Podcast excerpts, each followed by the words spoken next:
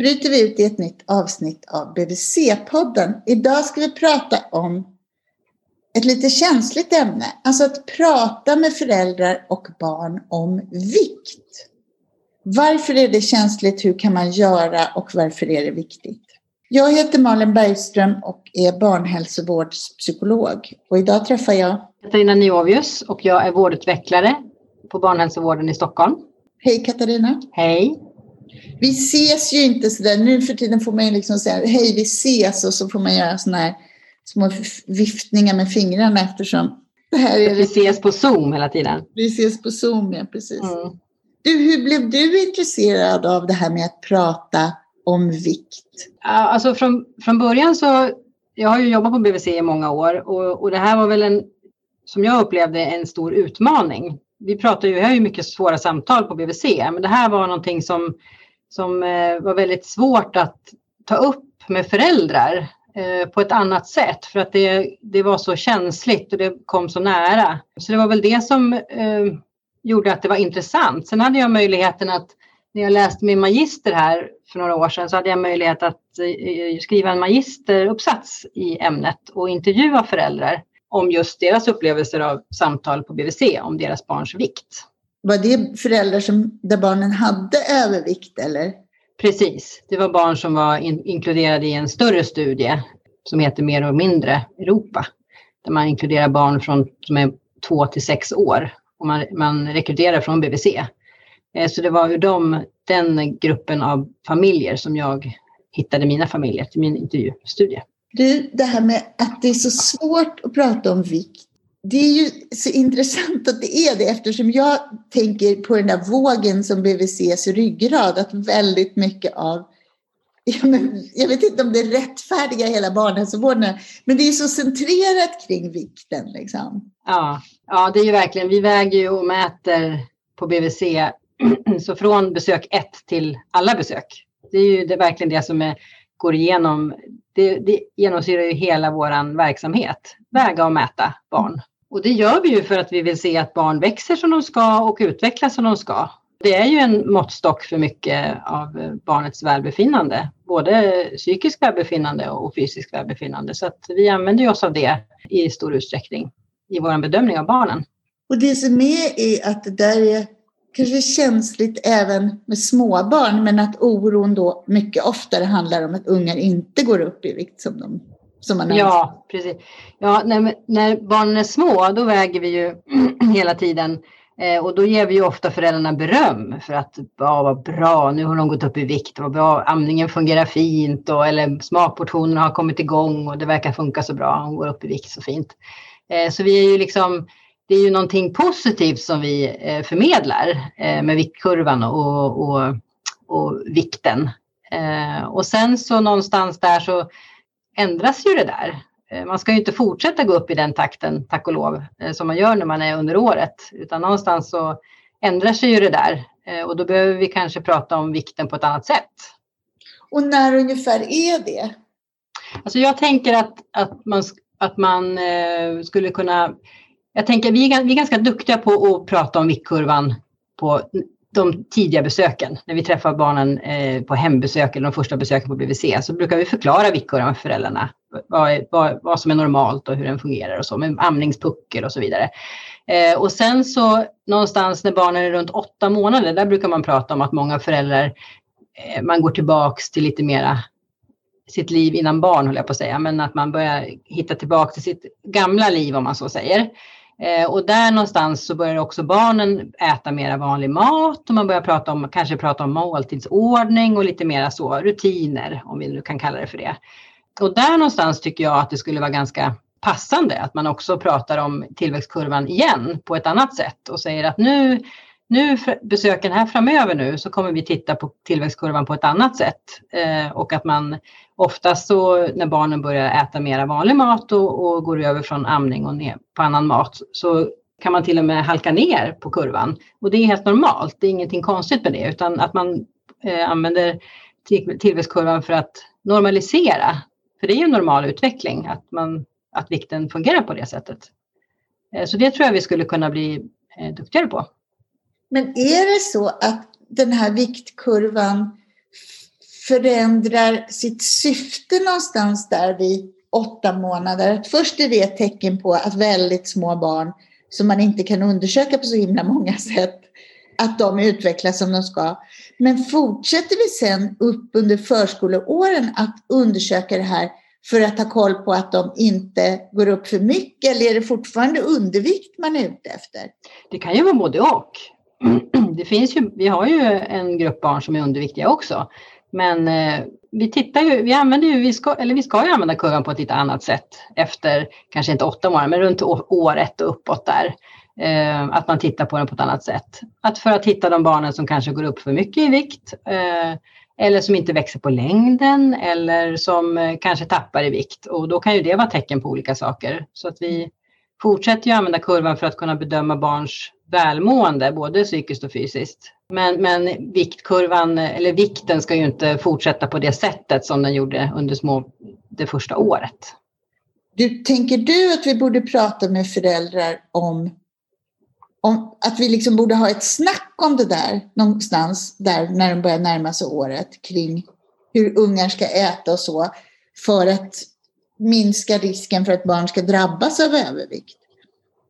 Ja, det tycker jag. Och jag tror också att, att man eh, jag tänker att om man, om man visar, om man eh, pedagogiskt förklarar viktkurvan på ett nytt sätt och gör det i förebyggande så, och kanske också visar BMI-kurvan, eh, inte så tidigt men lite senare, eh, att man då också kan, eh, när man sen kanske då står inför faktum att man har ett barn som har gått upp för mycket i vikt eller att då eh, kanske det inte blir lika svårt att ta upp det, för då vet man att den här familjen, vi har redan pratat om det här en gång, då kan man hänvisa till det. Kommer du ihåg att vi pratade om den här kurvan och hur vi pratade kring det? Eh, att det kan vara ett, ett pedagogiskt sätt att eh, göra det lite enklare att eh, prata om det, tänker jag. Att man har bäddat för det på något sätt? Ja, precis. Och man kan ju, BMI-kurvan kan man ju också använda på andra sätt. Att, jag tänker, den kan man ju också använda för att visa att här är en period när barnet ska vara som smalast. För det är ju så att när man barnet är runt 5-6 år så är man ju som smalast. Eh, och då kan man ju också visa det på kurvan och, och för föräldrarna. För en del föräldrar, eller det är, ju, det är ju så att det är väldigt många föräldrar som tror att deras barn, även fast de är överviktiga, eh, tror att de är underviktiga. Eh, det är ganska vanligt faktiskt. Ungefär hälften, det finns en stor studie där det var 1800 barn, svenska barn och det var en, en eh, europeisk studie så att det, var en, det var inte bara svenska barn med i den. Men då kunde man se att ungefär hälften av föräldrarna som, eh, bedömde barnen som underviktiga. Gud, man förstår sett hur svårt det här är då. Ja. Att man... Jag, jag, jag, jag, förstår att det där stämmer för man tänker att de äter så lite eller de äter bara liksom så selektivt vissa rätter och så det där grundläggande föräldrabehovet av att se till att ungen överlever. Liksom. Och sen Precis. kan det istället slå slint. Då. Som kickar in redan på BB, att man, ska, man är som förälder helt ansvarig för att det här barnet ska överleva. ja, och, så det, det är ju, och, det, och att, att det är, ser ut så, att det är ändå ganska många föräldrar som ser sina barn som underviktiga snarare än överviktiga. Det gör ju också vårt jobb svårare, tänker jag. Å andra sidan så kan man ju på något sätt trösta föräldrar med det. Att det är så här det ser ut. Vi verkar funka så här som föräldrar. Jo, precis. Att det är helt, helt normalt att, att ha den. Absolut. Absolut. Du, vad är det som gör att det är så svårt och så känsligt att prata med föräldrar om att ungar väger för mycket? Ja, om man, alltså, om man tänker så här um, ur ett sjuksköterskeperspektiv så så finns det jättemånga studier som visar att många sjuksköterskor upplever att de inte har kunskap i ämnet. Att de saknar kunskap för att kunna prata med, om, om det på ett trovärdigt sätt. Eh, och sen är det ju det här med, med eh, förtroendet som vi BVC bygger ju på ett enormt förtroende och vi är jätterädda om det här förtroendet som vi har med familjer. För mycket av vår verksamhet bygger på att vi har det här förtroendet. Och man är rädd att skada det här förtroendet. Eh, Gör man det då? Jag tror inte det om man, om man, är, om man, är, eh, om man kan eh, eh, lyfta ämnet på ett sätt som är respektfullt och backa när man behöver backa eh, och vara följsam och lyssna så tror jag faktiskt inte det. En del är ju, man, ibland, ibland kan man få höra att, som jag också har tänkt, att om jag tar upp det här då kommer de byta sjuksköterska, då kommer de inte vilja gå till mig. Sådana tankar kan man få kring det här. Så att det, det är svårt. Och samtidigt Katarina skulle jag tänka sig att vad är förtroendet värt om man inte vågar ta upp det som man vill ta upp? Och jag tänker också, det är ju så här, precis som vi har pratat om nu, att vi väger och mäter på BVC, det gör ju hela tiden. Och den absolut mest självklara platsen att ta upp det här ämnet är ju faktiskt på BVC. Vem ska annars göra det om inte vi gör det? För det här är ju en grupp barn som inte går någon annanstans. De, de är ju inte i skolhälsovården än, de är ju, de är ju på barnhälsovården. Så det, det är ju vår uppgift och vårt ansvar att ta upp det här. Det är ju så.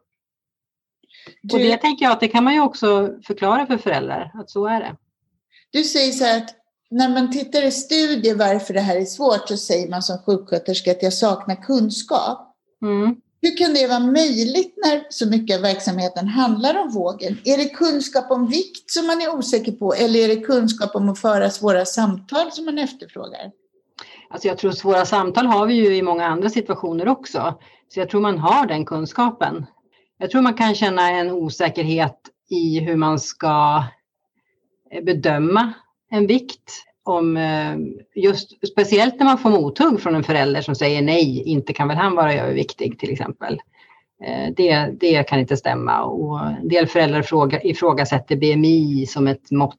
Nu använder vi ju ISO BMI, på, men att man ifrågasätter det och då känner man sig osäker. Och, och ibland så kan man ju i ärlighetens namn inte själv ser man ju inte heller att de är överviktiga. För vi har ju samma, vi är ju inte annorlunda, annorlunda än vad föräldrar är i övrigt, tänker jag. Vi kan ju också ha svårt att se om ett barn är överviktigt. Och vi har väl genom åren också ändrat vår syn på barn, hur barn ska se ut. För, eh, inte vet jag, 70-talet så var det en annan, eller 60-talet, jag vet inte, långt tillbaka i tiden i alla fall. Då hade man en annan syn på hur barn skulle se ut, att man skulle se rebenen på barnen. Eh, idag så är det inte riktigt det, det idealet vi har. Eh, så det är också, gör väl också att det blir svårt att se. Men sen är det väl det här med, med eh, kunskap om, om or, alltså vad kan eh, en, en fetma till exempel, vad kan det orsaka för, för problem längre fram i livet och sådana saker Eh, kan man nog känna en osäkerhet kring. Och hur, hur mycket ska man säga till en förälder eh, innan man vet exakt vad det är? Ja, men det är många sådana saker som jag tror är svåra att, att veta precis när man står där också. Ibland så blir man ju också lite, lite tagen på sängen, höll jag på att säga. Man eh, väger barnet vid treårsbesöket och så oj, vad är det som har hänt här? Och sen är man inte riktigt beredd på det. Men där tänker jag, där kan man ju, och då, då, om då föräldern också reagerar med att vara skeptisk så, så skulle jag rekommendera att man backar och bokar ett nytt besök och så att man kan förbereda sig lite bättre och känna att man har lite mer på fötterna. Du, vad karaktäriserar ett bra samtal om att en unge väger för mycket? Om, om, om föräldrarna får säga vad de eh, tycker är ett bra samtal så, vi, så är det ett samtal som, som inbjuder till reflektion, att de får vara med och reflektera kring det här. Att de får eh, ställa frågor och få svar.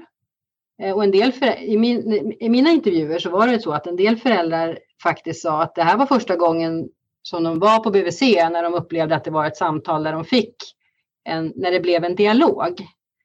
För de, inte så att de kritiserade BVC för övrigt, utan men de upplevde att många gånger så var det att, att man kom till BVC och frågade en expert om råd och fick Eh, tips på hur man kunde hantera olika saker. I det här läget så blev det mera att man, att, att man fick en inbjudan och, och sjuksköterskan frågade hur tänker du kring det här? Och när man fick den frågan så fick man själv börja reflektera kring hur kunde det bli? Hur, vad är det som har hänt och har, har det hänt någonting i familjen? Är det någonting som, att det blev en, den typen av samtal. Och det upplevdes som väldigt, väldigt positivt.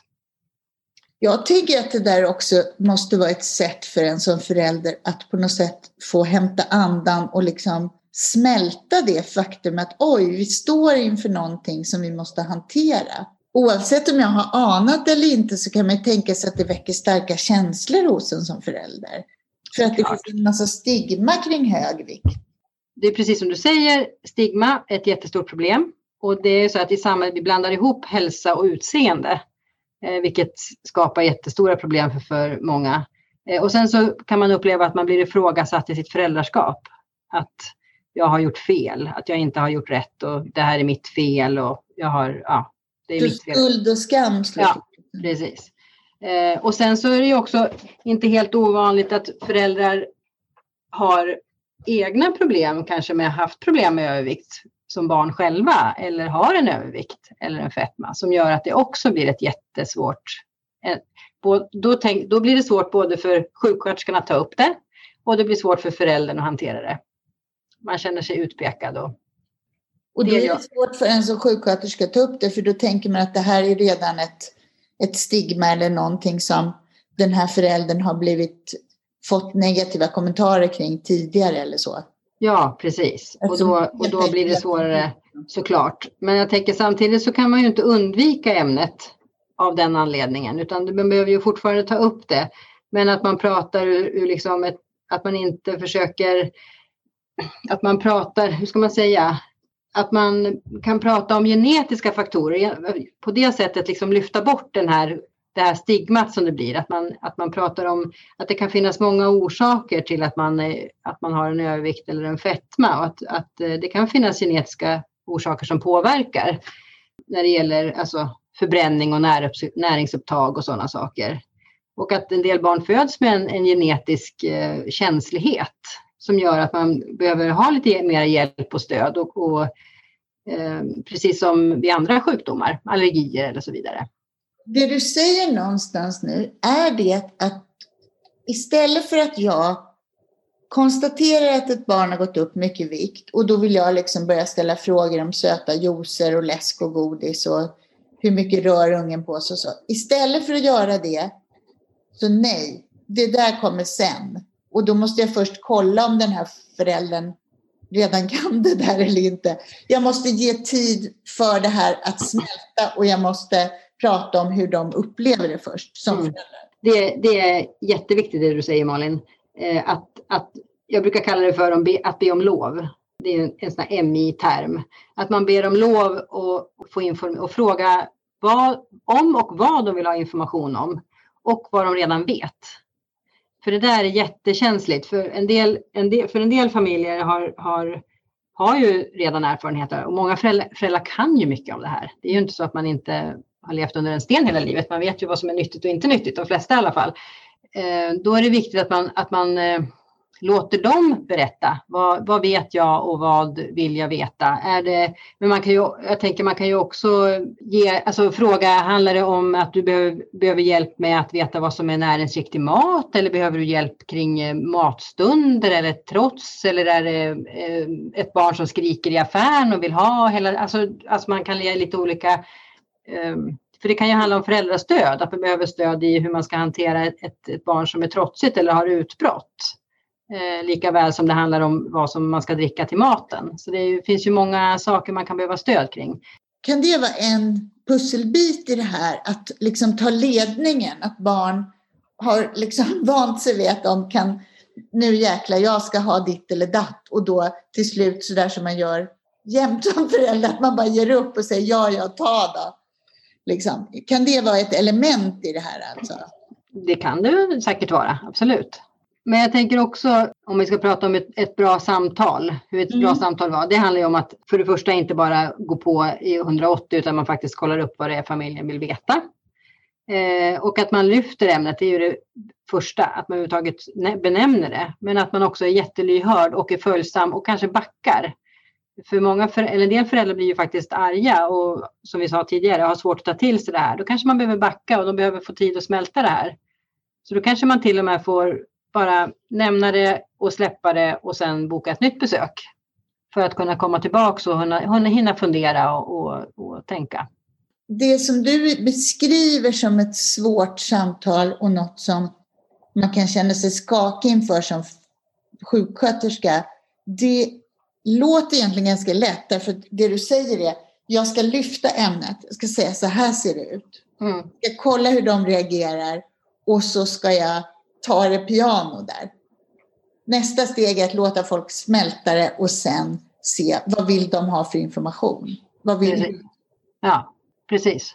du, det här med motstånd liksom hos föräldrar, att det här kan vara svårt att ta in. Hur Mm. jobbar man med det då? Jag tänker, eh, som Claude Marcus brukar säga, det, eh, att det inte är, det är inte bråttom heller. Att, utan det är bra om motivationsarbetet får, kan, ta, kan få ta tid. Eller bra, det får ta tid helt enkelt. Utan det, och det är ganska viktigt arbete, just det motivationsarbetet, att få familjen eh, med på, på tåget. Eh, och då kanske man behöver backa och, och gå framåt och backa och gå framåt och vara lyhörd helt enkelt. För jag ska inte ha så supermycket agenda mer än att jag ska se till att de här samtalen kommer till stånd. Liksom. Ja, precis. Och jag, tänker, och jag, tror att, jag tror att vi kommer jättelångt på det. Och vara lite nyfikna också. Eh, och liksom eh, inte, lyssna och höra vad, vad, hur, hur tänker ni kring det här? För att det är ju också så här att, att det här är ju inte något lätt. Det här är ju inte lätt för, för familjen heller. Det är ju en, en, en eh, man måste ju göra jättestora förändringar och det är ju inte bara barnet som ska göra förändringarna utan det blir ju hela familjen. Är det ett litet barn som bor i en familj med flera syskon så är det ju ganska en stor utmaning att ta tag i det här. Och då behöver man ju vara lite ödmjuk inför det tänker jag. Och inte, jag tror inte man kan förvänta sig så snabb, eh, snabba förändringar. Man kan ofta så har man, har man en övervikt så kan det ju räcka med ganska små förändringar och det kanske man kan behöva uppmuntra föräldrarna i och säga det att ofta så räcker det med ganska små saker och vi pratar ju inte om att barnet ska banta, vi pratar ju om att man ska växa i sin längd. Det är ju inte så, vi vill ju att barnet ska stå still i vikt eh, och, och växa och sen i och med att barnet växer så växer man ur sin övervikt eller sin fetma. Eh, det är ju det som, eh, så det är också jätteviktigt att och förmedla det för, till föräldrar. För speciellt föräldrar som själv har en erfarenhet av övervikt och fetma så blir det väldigt svårt när man börjar prata om hälsosamma levnadsvanor. De kopplar det direkt till att, det ska, att man ska banta. Det är provocerande att banta barn liksom. Ja, det ska vi inte göra. Nej, det är inte det det handlar om, utan man ska växa i sin längd. Du, en annan grej med det som jag undrar, det är hur man pratar om Pratar man med, om vikt eller ska man prata om barnets hälsa? Så det finns ju någonting Mm. där med utseende eller att må bra och, som är också sådär känsligt. Mm. Nej, men jag tänker att, att vi ska ju försöka prata om hälsa, vad kroppen mår bra av, att kroppen ska vara stark, inte prata vikt, utan vi pratar om, om eh, hälsa och inte utseende. Och det är viktigt och det tror jag också är viktigt att, att vi, vi kan vara rollmodeller där till föräldrarna, tänker jag, utifrån hur vi pratar kring barnets vikt. Och det kan också hjälpa föräldrarna när de sen ska prata hemma med barnen. Betyder det att du tycker att det är bra om barnen är med i de här samtalen? Ja, det där är jättesvårt Malin. Eh, det där är, är verkligen en, en vattendelare. Det finns ju lite olika sätt att tänka på. På BVC så blir det ju oundvikligen så att första besöket är ju barnen med. För att vi är ju, har ju den traditionen. Mycket forskning tyder på att, att eh, föräldrar behöver komma själv. Eh, För man behöver också få eh, prata på ett sätt som är lite friare om det här. För det, är ju, det här är ju tufft att ha ett barn i, i, familjen som, som kanske har behov av andra regler och rutiner än vad man skulle önska. Och då kanske man behöver fråga ganska konkreta frågor. Eh, Och då kanske man inte vill att barnet ska vara med. Men när det Så- gäller, om man ska tänka att man ska vara som en rollmodell eller förebild, hur ska man som förälder prata med barn då? Om att vi måste jobba för att vi ska väga lagom. Är det bra att säga det? Alltså små barn kanske man inte ens behöver säga så. Man pratar om att man ska vara frisk och att man ska eh, vad som är nyttigt för tänderna. Man ska inte dricka saft för det är inte nyttigt för tänderna. Och, och eh, kroppen måste orka och vara stark och då måste vi äta den här typen av mat för det är bra för kroppen och då blir kroppen glad. Att man pratar utifrån det. tänker samtidigt att även små barn, alltså även treåringar har ju koll på sånt där. Ja, en del har ju det. Kroppar i relation till andras kroppar och sådär. Ja. Men, men jag tänker Malin, du som är psykolog, jag tänker, jag tänker att barn reflekterar över hur de ser ut i den åldern, men är det någonting som är medvetet? Förstår du vad jag menar? Att de på något sätt ser att de är annorlunda eller, eller kan, det förstår, en del kan ju göra det såklart, beroende på vad man har för erfarenheter. Men jag tänker, många barn är väl också bara ett konstaterande att jag ser ut så här och du ser ut så där.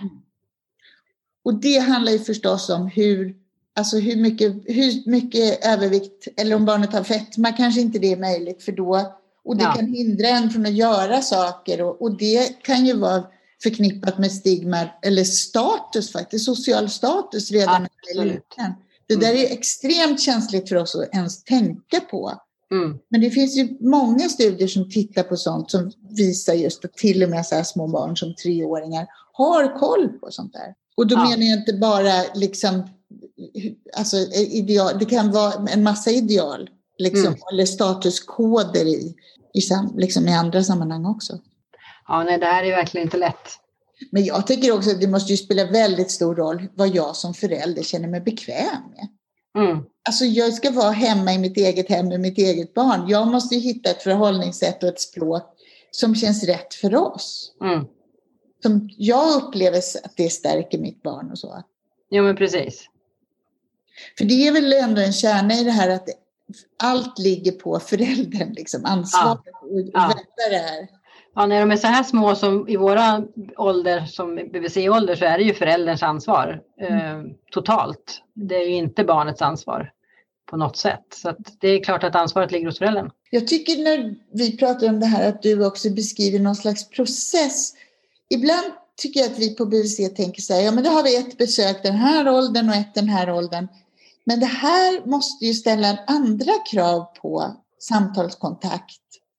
Oh, absolut, och det här är väl, jag tänker om vi, om vi tänker på våra tredelade program i Rikshandboken eh, så har vi ju, det ljusgröna är ju alla barn. Och då pratar vi hälsosamma levnadsvanor utifrån kost, fysisk aktivitet, skärmtider, allt som infattas i det. Och sen har vi det mellangröna, då har vi barn med övervikt där vi får ha lite mera och, och alla de här tre olika stegen be, betyder ju mera eh, besök, tänker jag. Mm. Eller kontakter, beroende på. Man kan ju också ha kontakt på telefon såklart eh, och följa upp hur det går. Eh, Och det, tre, och det mörkgröna är ju barn med fetma då. Och då kan det ju handla om att man behöver remittera. Så att eh, jag tänker att eh, det, det, är väl, det är väl ganska självklart att det blir flera besök för de här familjerna. För jag tycker att, jag menar det här som du beskriver som ett gott samtal, eller att det väldigt mycket handlar om att inte vara stressad och försöka pressa på någonting utan att låta folk vara de de är och, och smälta saker i egen takt på något sätt. Mm, det tänker jag också. Jag tänker att man, borde, man bör träffa en familj med ett barn som har en övervikt, kanske var tredje månad, eh, för att stämma av, väga och, och stämma av hur, vad är det, hur har ni det, hur går det och vad har ni för, vad har ni hamnat i och finns det något stöd jag kan ge er och vara en samtalspartner. Och det beskriver ju många föräldrar också att, att de ser ju BVC som en, som en en, liksom en, en röst utifrån, utanför familjen som är positiv, som man, som man gärna lyssnar på. Eh, som kan vara skönt också att prata med någon annan. För det är ju också, eh, det är ju inte alla föräldrar som är ens, e, överens om det här heller, utan det, det kan ju finnas eh, olika, o, olika tankar inom familjen också kring det här. Det var precis min sista fråga. För jag tänker att man, ja men så tycker jag det är med alla sådana där grejer som jag har pratat med föräldrar om som psykolog. Man pratar om man ska sluta amma och börja med något annat eller de ska lägga, men nu ska vi styra upp barnets sömn eller så.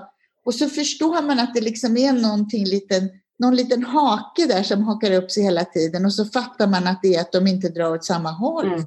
Och det här kan ju vara så tydligt för det kan ju vara två föräldrar som har helt olika erfarenheter från sin uppväxt. En, en, en, en förälder som har själv haft en övervikt eller haft en förälder med en övervikt som har levt i den här eh, liksom, eh, miljön eh, som har den, den, det bagaget med sig och en annan förälder som, som har haft en eh, Eh, helt eh, en uppväxt du är helt fri från det här eller har haft en syster som var rund som barn och sen som blev jättesmal som, som tonåring. Ja, ni vet, det, ja, det, det, finns ju alla varianter och sen så ska man mötas i det här och så har man helt olika bild. Eh, men någonting som jag tyckte var som, som jag tycker är lite intressant det var ju efter samtalen med de intervjuerna jag gjorde i min magister, efter samtalen så upplevde ju föräldrarna att även om de hade tyckt jätteolika när de sen, de fick oftast mamma var på besöket och eh, fick veta det här, kom hem och berättade för pappa vad, som, vad, vad sjuksköterskan hade berättat och sagt och visade kurvan och så vidare. Och då, då var helt, så säger pappa, nej men det här kan inte stämma. Det här, nej, vi tror, det här tror jag inte på. Och så håller de på att resonera. Men hon sa och så eh, blir det lite, lite så här småtjafs.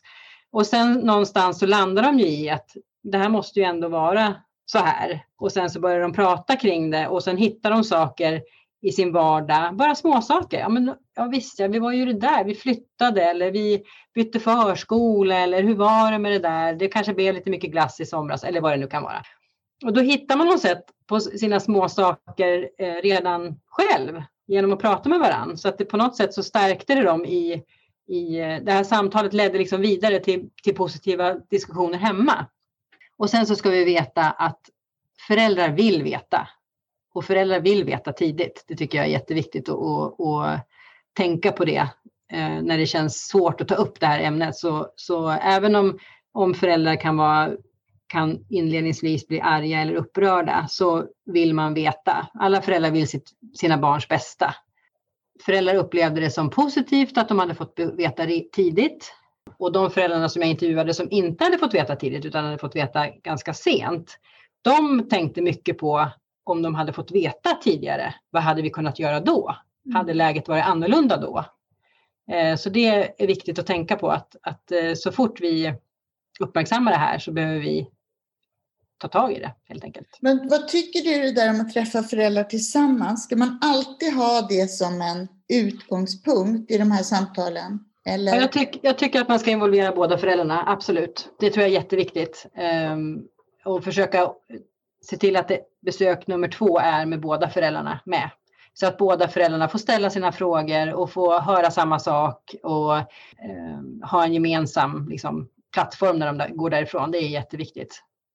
Det finns en jättebra hemsida också eh, som heter HOBS. Eh, det är Riksförbundet för hälsa oberoende av storlek. Eh, och de eh, eh, har eh, jättemycket bra skrivet på sin hemsida om, också riktat till BVC och även lite olika patientfall som man skulle kunna ha, ta i sin eh, personalgrupp. Och, och först ett litet patientfall, man diskuterar det och så har de skrivit lite förslag på, på hur man skulle kunna tänka kring de här olika fam eh, familjerna. Då. Jättefina små patientfall som man skulle kunna använda sig av, som är väldigt BVC-typiska. Då säger jag tack till dig så bryter vi ut från det här avsnittet. Tack så mycket.